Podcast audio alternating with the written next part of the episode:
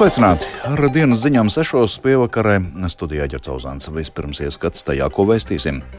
Ciešā Krievijas drošības struktūra uzraudzībā tūkstošiem cilvēku Maskavā atvadās no Navaļnija. Aizturēts okupācijas muzeja dedzinātājs. Pār Latvijas universitātes jauno rektoru ievēlēts Gundars Bērziņš. Par šiem un citiem tematiem turpinājumā plašāk.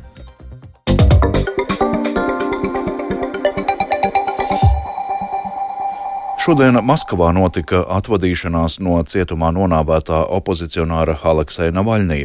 No viņa atvadīties ar ziediem rokās ieradās tūkstošiem cilvēku. Arī drošības pasākumi galvaspilsētā, gan ceremonijas, gan bēru norises vietā bija lieli. Plašāk par notikušo Maskavā stāsta Rihards Plūme. Atvadīties no Krievijas opozīcijas līdera Alekseja Navaļnija ar ziediem rokās bija ieradušies daudzi tūkstoši cilvēku. Ieradušies bija arī ASV, Francijas un Vācijas vēstnieki, kā arī citi diplomāti.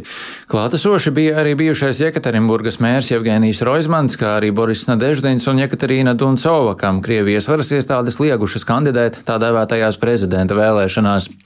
Drošības struktūra pārstāvji pie baznīcas bija lielā skaitā, daudz tā saukto autozaku un ap baznīcu salikti žogi. Drošības struktūra darbinieki pārbaudīja garām gājēju dokumentus un personīgās lietas. Tika slāpēts arī internets internets. Lūk, kas bija sakāms dažām žurnālistu uzrunātajām sievietēm pie baznīcas. Tā ir vienkārši atvadīšanās no gaiša cilvēka. Par ko man baidīties? Jūtu sāpes.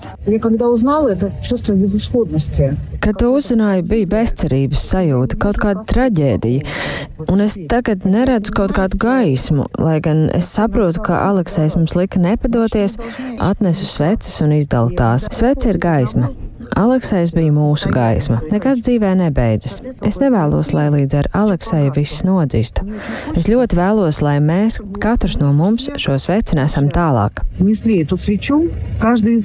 Pēcpusdienā zārks ar Navaļniju uz baznīcu tika atvests ar mikroautobusu, un cilvēki to sagaidīja ar aplausiem, skandējot Navaļnijas. Bet ap vieniem dienā zārks tika ienests baznīcā, un tas notika cilvēku aplausu un saugļu pavadībā.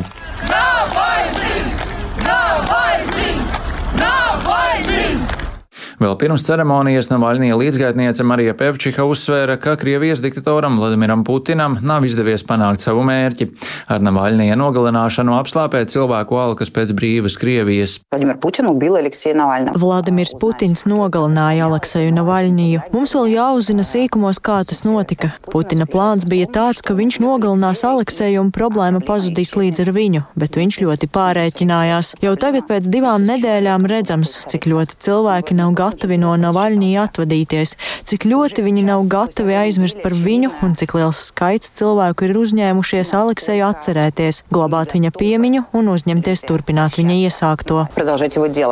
Ceremonija baznīcā bija īsa un sanākušie nevarēja tajā iet un atvadīties no Navaļnija. Vēlāk Navaļnijas tika vests uz Borisovas kapsētu, visam lielajam pūlim sekojot automašīnai tālāk uz kapsētu. Pa ceļam uz kapsētu cilvēki skandēja nē karam, varoņi nemirst, Krievija būs brīva. Arī pie kapiem bija pulcējies liels drošībnieku skaits, izvietoti žogi un pie ieejas kapos izvietoti metāla detektori. Navaļnija tuvinieki pie kapa no Navaļnija atvadījās, bet vēlāk pie kapa stingrā drošībnieku uzraudzībā nolikt ziedus tika atļauts arī sanākušajiem. Lai gan tika ziņots par pūlī esošiem provokatoriem, tomēr nekādas sadursmes vai masveida cilvēku aizturēšanas tā arī nav notikušas. Rihards Plūme, Latvijas radio. Turpinām par aktuālo pašmājās. Policija ir aizturējusi personu, kura varētu būt iemetusi degmaisījumu Latvijas okupācijas muzejā. Noziegums operatīvi atklāts pateicoties Rīgas pašvaldības policijas video novērošanas centram. Noskaidrots, ka uzbrucējs bija veicis priekšdarbus, tostarp, lai izvairītos no ātras aizturēšanas. Par notikušo sākts krimināla process, kas paredz brīvības atņemšanu uz laiku līdz desmit gadiem. Šobrīd varam justies droši, bet jāpaturprātā, ka dzīvojam hibrīda kara apstākļos. Tas ir acīm redzami, ņemot vērā karu Ukrainā, kas ilgst jau divus gadus.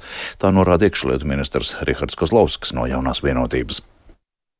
atbalstu Ukrainai, kā mēs viena no vadošajiem arī esam sankciju gan dažādu lēmumu pieņemšanā, kas Krievijā tiek ļoti sāpīgi uztverts. Spējam cīnīties ar šo fenomenu un arī okupācijas muzejā personu izskait ļoti 4 stundu laikā, bet nu, pateikt, ka mēs varam atslābt pilnīgi noteikti nē, un turpinoties šai situācijai, Krievijas dienas meklēs dažādas veidus, kā ievainot mūsu drošību, mēģinot destabilizēt, izmantojot, zinām, sabiedrības polarizāciju. Ārtelpas un mobilitātes departamenta nesenais vadītājs Jānis Vaivots kukuli lielā apmērā iespējams ir piedāvājis lidostas zemes lietā. Tāda neoficiāla informācija ir Latvijas radio un Latvijas televīzijas rīcībā. Latvijas radio izdevies korupcijas novēršanas un apkarošanas birojā noskaidrot iespējamā kukuļa apmēru. Stāstā Knaba pārstāve Agita Antonāne šajā krimināla procesā izmeklē iespējamu kukuļa lielā apmērā piedāvāšanu valsts amatpersonai. Iespējams, piedāvātā kukuļa apmērs nav mazāks par 50 tūkstošiem eiro. Varam tikai šo informāciju atklāt, tas arī ir viss.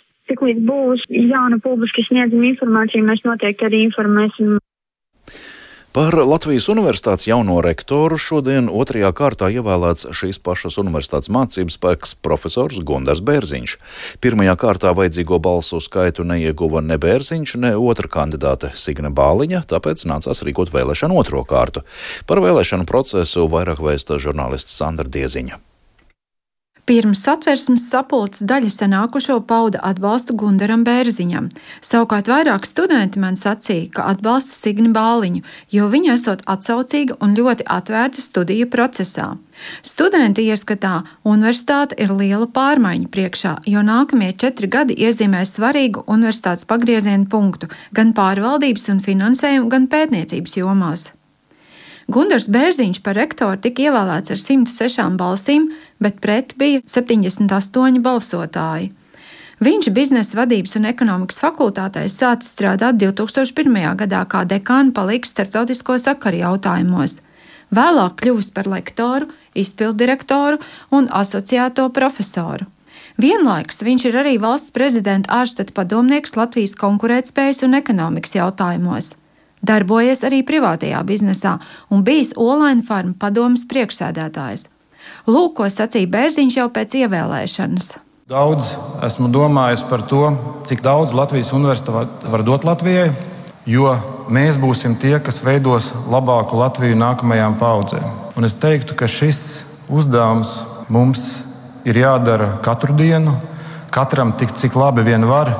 Rektors ir tāpēc, lai palīdzētu atklāt savu labāko potenciālu šeit, universitātē. Gan studentiem, gan pētniekiem, pasniedzējiem, jo tikai maksimālā potenciāla izpausmē mēs varam sasniegt tos mērķus, kurus esam izvirzījuši. Paldies par atbalstu!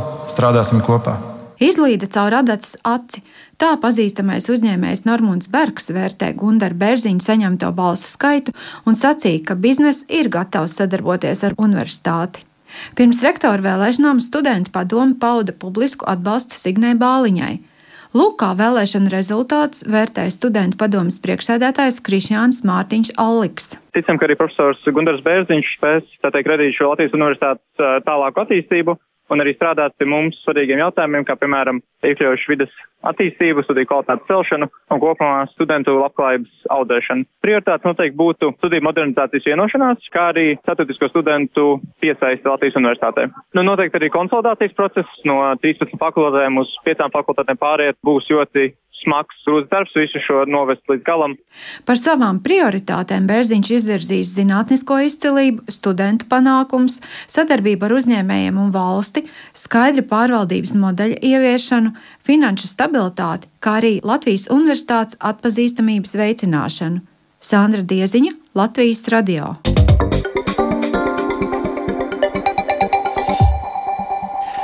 Rudenī dārgāko recepšu zāļu cena varētu samazināties par 15 līdz 20 procentiem, tā pieļauj Veselības ministrijā. Ministrijas izstrādātais jaunais zāļu cenu veidošanas modelis sagatavots analizējot Lietuvas, Igaunijas un Somijas farmācijas jomas regulējumu. Tas paredz ieviest vienu fiksētu uzcenojumu visām kompensējamajām zālēm un recepšu zālēm par iepakojumu neatkarīgi no cenas. Plānots arī ieviest maksu par farmaceitiskās aprūpas pakalpojumu, ko sektu gan pacients, gan valsts, un pacienta maksa varētu būt līdz 75 centiem. Līdzīga summa - 71 cents jau šobrīd tiek iekasēta kā līdzmaksājums par kompensējumu medikamentu recepti. Šodien priekšlikumu jaunajam zāļu cenu veidošanas modelim tika prezentēta farmācijas jomu pārstāvošajām sabiedriskajām organizācijām, un lieltirgotājs un aptiekas aicināts nedēļas laikā iesniegt priekšlikumus. Sāksies gada ienākuma deklarācija iesniegšana valsts ieņēmuma dienestā, lai atgūtu pārmaksāto iedzīvotāju ienākuma nodokli par saviem un ģimenes locekļu attaisnotajiem izdevumiem. Vidē pārstāv Kristīna Uzkalne Jaunbērziņa stāsta, ka šogad nekādu izmaiņu gada ienākuma deklarācijas iesniegšanas kārtībā nav. Obligāti jāsniedz visiem saimnieciskās darbības veicējiem, arī tiem, kas gūši ienākums no profesionālās darbības, arī cilvēkiem, kuri izīrē vai izdomā savu nekustamo īpašumu, piemēram, dzīvokli, vai ir saņēmuši ar nodokli neapliekamos ienākumus, kur kopsumma gadā pārsniedz 10 tūkstoši eiro. Tāpat kā līdz šim obligāti gada ienākuma deklarācija jāiesniedz, ja saistībā ar progresīvās nodokļu likmes vai gada diferencētā neapliekamā minimuma piemērošana ir radusies nodokļu starpība, kas jāpiemaksā valsts budžetā.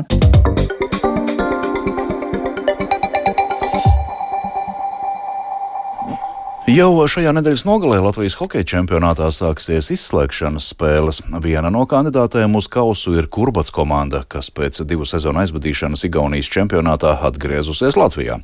Regulārā sezona noslēgta trešajā vietā, un pirmajā kārtā pretiniekos nemazāk sīkstā hokeja skolas Rīga jaunā maiņa. Par gatavošanos izslēgšanas spēlēm stāsta uh, Kurbata galvenais treneris Toms Bluks es kā spēlētājs visu sezonu gaidīju tās izslēgšanas spēles, jo tur ir tā kā cita motivācija un, nezinu, cits tas azarts tajā visā, jo, nu, tu palielam katru spēli jau tiec soli tuvāk tam kausam, jā, jo sezonas laikā, nu, tur visi viens otru vinnē un, nu, tās spēles tur nav tik ļoti no svāra tādas, ja tu pat zaudē, nu, labi, kādreiz arī pēc tam kaut ko citu vinnē un viss ir labi. Nu, mēs veselu sezonu gatavojāmies uz šito. Veselu sezonu mums bija īstenībā mēs zem slodzēm strādājām un gājām uz zāli un, un tikai tā, principā, nesen to fiziku noņēmuši tā kā nost, vairs nav tik daudz viņas mums. Pēc februārī notikušajām Eiropas, Amerikas, Āfrikas un Āzijas čempionāta kvalifikācijas turnīru spēlēm Latvijas vīriešu valsts vienība no 8. vietas ir pakāpusies uz 6. vietu. Tā ziņo Latvijas basketbola savienība. Latvijas komanda starptautiskās basketbola federācijas jeb FIBA rangā ir sakrājusi 750,6 punktus. Latvijas slēpotājs Samants Krampe un Kitija Auziņa eh, šodien Lahtī pasaules kausa posmā distanču slēpošanā ieņēma 18. vietu komandu sacensībās sprintā klasiskajā stilā. Bet Latvijas slēpotāja Raimo Vīgants un Lauris Kaparkalējs Lahtī pasaules kausa posmā distanču slēpošanā ieņēma 27. vietu komandu sacensībās sprintā klasiskajā stilā.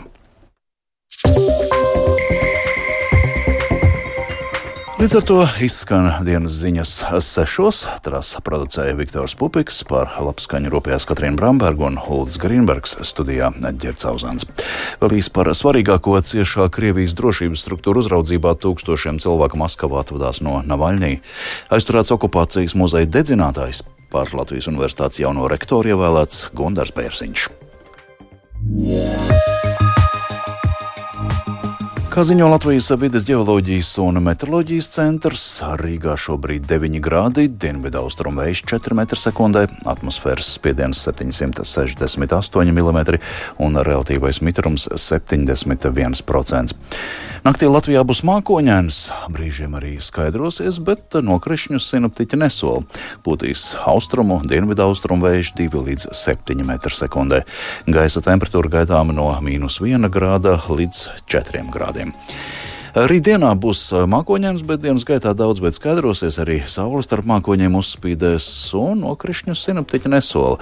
Brāzmēns austrumu, dienvidu austrumu vējš, kas brāzmās var kurzems līča piekrastē sasniegt 15 metrus sekundē. Un diena būs silta, vietām dienvidaļā līdz 11 grādiem. Bet precīzāk par laikapstākļiem gaidāmajiem stāsta Toms Bricis. Šajās brīvdienās laiks būs diezgan silts. Temperatūra sestdien sasniegs 5-10, kur zemes dienvidrietumos pat 12 grādus. Svētdien kļūs par dažiem grādiem vēsāks. Sestdien mākoņi periodiski aizseks sauli, bet svētdiena visā Latvijā būs ar pārsvarā skaidrām debesīm un nokrišņu brīvdienās nav gaidāmi. Nākamnedēļ kļūs vēsāks, naktīs valdīs neliels sals, 0,5 grādi dažos rītos valsts austrumos līdz 7 grādiem, bet dienās temperatūra lielākoties 0,5 grādi, siltākajās pēcpusdienās vietām kurzemē un zemglē līdz 7 grādiem. Un nākamnedēļ mūsu reģionā ieplūdīs ne tikai vēsāks, bet arī krietni sausāks gaiss, tādēļ palu izmērcētie lauki un šķīdonī grūti izbraucamie ceļi žūst.